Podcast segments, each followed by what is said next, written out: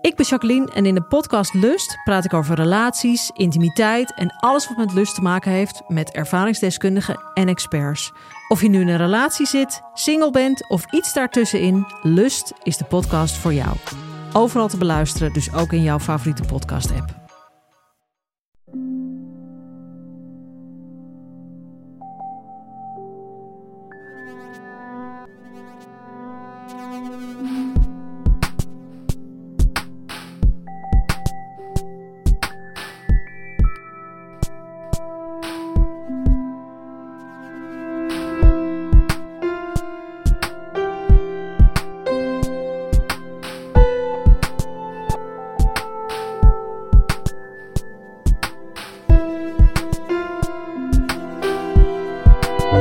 Dit is Relaas. Wij geloven dat je mensen pas echt leert kennen als je hun verhaal hebt gehoord. Valence verliest het belangrijkste wat de mens nodig heeft in zijn leven. Dat is natuurlijk zijn gezondheid. In haar relaas hoor je hoe ze op zoek gaat naar nieuwe hoop, naar eigenwaarde. En zeker op het moment dat je geen controle hebt over je eigen herstel, is dat zo belangrijk om aan vast te houden.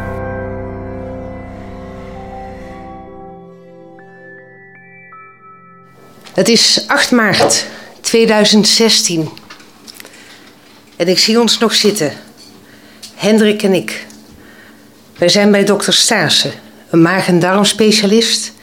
En hij is een van de artsen van het team maag- en darmspecialisten in het Sint-Vincentius ziekenhuis. We hadden een afspraak met hem en hij onderzocht mij. En hij zei tegen mij van, ik voel een tumor bij je rectum en het is heel ernstig en morgenochtend moet je worden opgenomen in een ziekenhuis voor verder onderzoek. Onze wereld stond stil.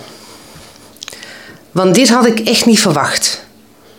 Ik weet ook niet wat ik wel verwacht had, maar geen tumor.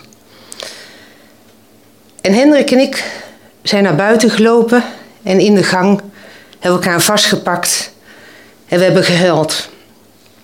Intens en ook even, want we hadden nog veel te doen. En allereerst wilde ik mijn ouders bellen, want zij wisten dat ik de afspraak had. En dat vond ik heel moeilijk, want het is heel uh, heftig om tegen je ouders te vertellen: ik heb een tumor en ik moet verder onderzocht worden. En dat gebeurt al morgen. En vooral ook omdat mijn ouders zelf veel met ziektes te maken hebben gehad. En mijn moeder heeft ook kanker gehad. En zij wilden dat echt niet voor hun kind. Dus dat was heel emotioneel. We zijn thuisgekomen. Het enige wat ik me nog herinner is dat ik mijn werk heb overgedragen aan mijn collega. Dus alle lopende zaken. Het was heel belangrijk voor mij van ik kan rust hebben als die zaken doorgaan. Dus in de praktische modus. Ik weet oprecht niet meer of ik die nacht heb geslapen of niet. Weet ik niks meer van. Ik herinner me wel heel sterk de volgende ochtend in het ziekenhuis. Dokter Steger, een andere arts van het team, onderzocht me en bevestigde inderdaad van... je hebt een tumor bij je rectum. Dat is onderaan de endeldarm. Ik wist nog ineens wat een endeldarm was. Um, en hij zei me: Dit is heel ernstig. We hebben hier wel een behandelingsplan voor. Ze doen dat ook in Leuven en ze doen dat ook in Amsterdam. En wij doen dat hier in Antwerpen in het Sint-Vincentius ziekenhuis. Het behandelingsplan gaat het komende jaar in beslag nemen. En de eerste fase is uh, bestraling en chemo. Dan ga je geopereerd worden en je zult waarschijnlijk ook een stoma krijgen. Dan uh, volgt er een preventieve chemo voor een periode. Dus reken erop, het komende jaar is dit jouw agenda. En dokter Steger vertelde me dit zo op een professionele en menselijke manier. En hij gaf me een houvast, want er was een bestaand behandelingsplan, er was een tijdslijn en het werd mijn project. En hier kon ik wat mee. Er waren toen twee weken ehm, voorbereidingstijd. En toen begon het. Ik had ondertussen een uh, portacat ingeplant gekregen. En ik weet nog de dag dat ik mijn chemo kreeg. Dat was 24 op 7, een flesje op mijn buik in een toeristentasje. En ik droeg die chemo bij me. En Hendrik en ik, wij kwamen uit het ziekenhuis. En toen zijn we recht naar de Hilton gegaan, hebben we geluncht en champagne gedronken. Op het project. We gaan ervoor en we kijken vooruit. En die periode, dat duurde vijf weken. En het kwam niet binnen. Ik voelde me bijna euforisch. Het zou waarschijnlijk door de chemo zijn gekomen. Ik had ook waanzinnige dromen. Ik ging op reis en ik feestte s'nachts en ik shopte. Dus ik werd iedere dag blij wakker. Dat was al op zich een hele bijzondere ervaring. En oprecht, ik voelde me niet treurig. Ik, voelde, ik stelde me ook niet de waarom ik vraag. En omdat ik toch iets wilde doen, iets anders dan bestraling en chemo hebben, ging ik een opleiding tot life coach volgen. Dat vond ik echt het moment ervoor. En zoals bij iedere training of begin van een opleiding krijg je wie ben je en waarom volg je deze opleiding. En toen kwam ik tot het besef, oeh, wat moet ik nu vertellen? Want ik doe mijn werk niet meer. Gelukkig was ik niet de eerste van het rondje, dus ik had even wat tijd om na te denken. En mijn pitch was: uh, Ik ben Valens Matheusen, ik ben 47 jaar. Ik ben getrouwd met Hendrik Hellemans. We hebben een hond, Charlie. En ik woon al met veel plezier 20 jaar in Antwerpen. Ik ben consultant werving en selectie. Maar op dit moment doe ik ander werk. Want ik doe namelijk mijn eigen project. Want ik heb endeldarmkanker en ik zit nu in de eerste fase van het behandelingsplan. Nou, en ik vond dat wel goed uitkomen. Check. Dat was de eerste keer mijn nieuwe pitch. Dus dat was goed. Na die vijf weken, natuurlijk een heel belangrijk moment. Wat was het resultaat? En ik sprak met de oncoloog, dokter Wouters. En die zei, want er was ondertussen nog een tweede tumor ontdekt, ook in de endeldarm. En dokter Wouters vertelde me, het resultaat is spectaculair. En dat vond ik geweldig. En als ik nu het woord spectaculair zeg, word ik nog ontzettend blij, want die opluchting was waanzinnig. Daarna dokter Kools, die chirurg, gebruikt het woord: het is sensationeel. En het is zelfs zo goed dat de kans is dat je in plaats van een definitieve stoma een tijdelijke stoma krijgt. Dus dat gaf mij vleugels. En nog steeds de woorden spectaculair en sensationeel geven mij vleugels, ook op dit moment. Verder het gesprek met dokter Kools, de chirurg, over uh, de tijd in het ziekenhuis. Ik zou ongeveer drie weken worden opgenomen. Mijn endeldarm zou verwijderd worden. En laten we duimen voor een goede uitslag. Dus ik ging mijn opname voorbereiden. En ik vond het heel belangrijk dat ik de artsen en de verpleegkundigen kon, zien, kon laten zien wie ik was. Dus ik had een hele leuke foto van Hendrik en mij. Dat was nog maar van een paar maanden geleden. Ehm, blauwe achtergrond, we hadden samen gelopen. We hadden heel leuk shirts aan. En we keken heel blij uit onze ogen. Topfoto. Dus die ging mee in, naar het ziekenhuis voor aan het raam te hangen. Ook een foto van mijn ouders in hun tuin. Heel liefdevol stel. Samen omarmd wil ik ook iedere dag zien. En natuurlijk een foto van onze hond Charlie. Wat ik ook deed als voorbereiding, heel bewust, omdat het zo in fases ging, kocht ik een ander parfum. Want ik draag altijd Chanel, ook vanavond draag ik Coco Chanel. Die droeg ik ook op mijn uh, trouwdag. En geuren um, halen heel sterk gebeurtenissen en herinneringen terug naar boven. En daar was ik me van bewust. Dus ik heb mezelf toen een flesje, een mooi flesje Miss Dior cadeau gedaan. Enkel voor die periode, want natuurlijk wilde ik wel lekker ruiken. Maar ik wilde nooit meer aan die periode herinnerd worden door te spreken. In het ziekenhuis, na de operatie,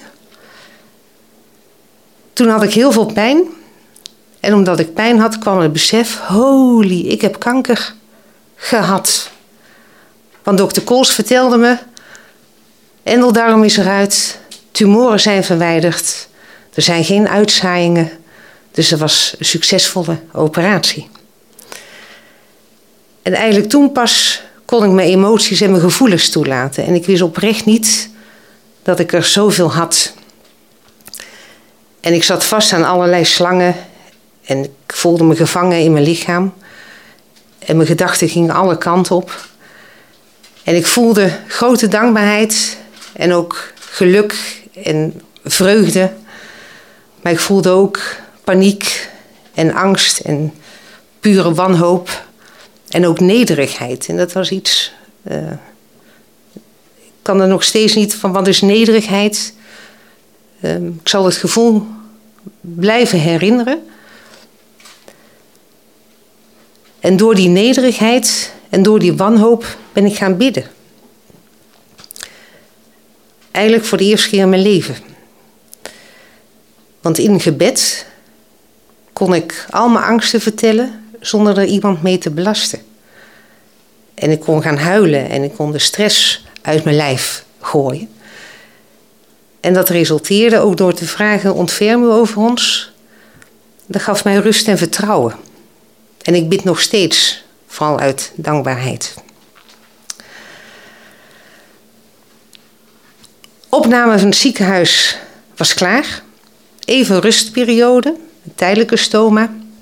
Daarna nog een operatie. En toen kwam de periode van de preventieve chemo. En ik denk dat iedereen wel iemand kent die chemo heeft, of dat er algemeen bekend is. Het maakt je moe. Dat is echt een understatement. Want je wordt volledig neergehaald, onderuit gehaald langs alle kanten.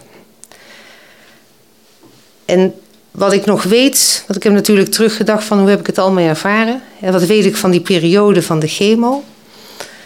Is vooral um, de steun die ik heb gehad. En hoe rijk dat ik ben met mijn omgeving. En dat ik toen ook gedragen ben door de omgeving. En mijn omgeving was toen, of waren de artsen, de verpleegkundigen. Vooral mijn man Hendrik, mijn held. Want die had ook zijn baan opgezegd in het buitenland is zelfstandig geworden, heeft een trainingsbedrijf opgericht. En die was er altijd voor mij. Verzorgend, maar niet betuttelend. En dat is een groot verschil. Ook mijn ouders en mijn families en mijn vrienden. Allemaal met berichtjes en leuke kaarten en foto's. En wat mij de steun heeft gegeven vooral, is antwoord maar wanneer dat je kan. Want ik had dagen dat ik gewoon niet uit mijn ogen kon kijken, laat staan kon praten of iets kon typen. Dan kon ik gewoon alleen maar liggen en denken, stap voor stap, ook dit gaat voorbij. Voor mij was de steun echt, laat maar iets weten als het gaat. Ongelooflijk. En die periode van de chemo heeft geduurd van augustus en 11 januari was de laatste dag. En had ik me beter gevoeld, was ik weer champagne gaan drinken. Maar goed, ik was al blij dat ik uit het ziekenhuis kon. En die laatste fase, of die laatste dag van de chemo, dat zette dan ook gelijk de herstelperiode in. En de artsen hadden gezegd van, ehm, je lichaam gaat tijd nodig hebben om aan de nieuwe situatie te wennen. En ze hadden me gewaarschuwd en ik mocht ook tot eind 2017 niet werken, dus het heeft zijn tijd nodig. En ik dacht, och, als er chemo uit mijn lijf is, meer gaan wandelen met de hond, conditie opbouwen, nou, dan kom ik er wel. Absoluut overmoedig. Ik ben ook wel een stukje blij daarom, want daardoor denk ik dat je vooruit gaat. Ehm, maar het was echt één stap vooruit en twintig terug. En dat vond ik heel moeilijk, misschien nog wel het moeilijkste van alles, om nu nog geduld op te brengen en mijn lichaam de tijd te geven om te wennen aan de nieuwe situatie. En ook mentaal, want het was al lang voorbij, dus En ik had altijd, ik had altijd mijn haar gehouden. Niemand zag iets aan mij. En dat vond ik heel belangrijk dat ik er ook gezond uitzag. Ik ben zelfs niet afgevallen. Terwijl ik dat eigenlijk al heel mijn leven wilde. maar zelfs toen viel ik ook nog niet af. Um, en tijdens die herstelperiode merkte ik ook, ja, ik heb nu een nieuwe identiteit. Want ik vind het heel leuk om trainingen te volgen, opleidingen te volgen, nieuwe dingen uh, te doen. En dan is het altijd, ja, wat doe je eigenlijk? Of wat doe jij? En ik, ja, wat doe ik op dit moment? Dus nu is mijn verhaal van, ik ben in de herstelperiode, want ik heb kanker gehad. Maar ik ben blij dat ik hier weer ben. Dus dat is een nieuwe identiteit. En dat is heel raar. Maar ik ben me er ook heel bewust van.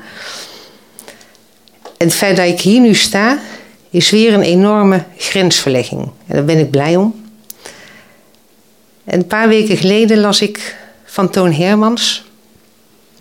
Hij had geschreven: Te leven is een gunst en weten hoe is een kunst. En dat kwam bijzonder aan. Want ik ben me inderdaad bewust van, het had ook anders kunnen uitdraaien. Dus dank je wel, ik heb het leven nog. En nu ben ik iedere dag weer aan het zoeken om echt weer alles uit het leven te halen.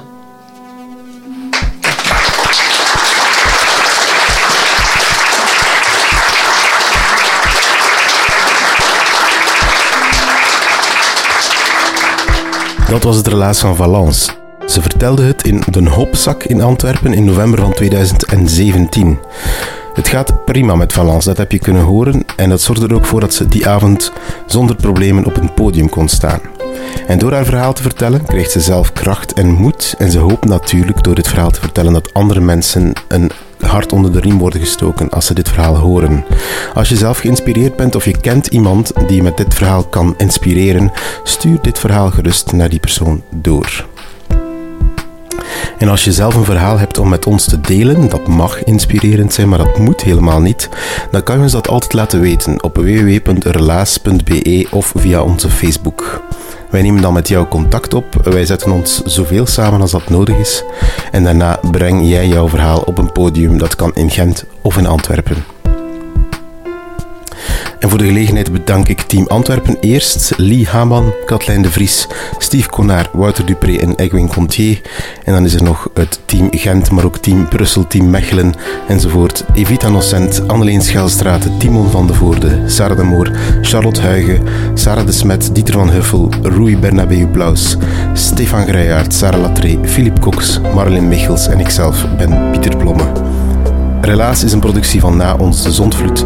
Doe ons een pleziertje en stuur dit verhaal door. Misschien als hart onder de riem voor iemand die dezelfde problemen heeft als Valence of gehad heeft als Valence. Maar vooral om ons een plezier te doen en om iemand anders een plezier te doen.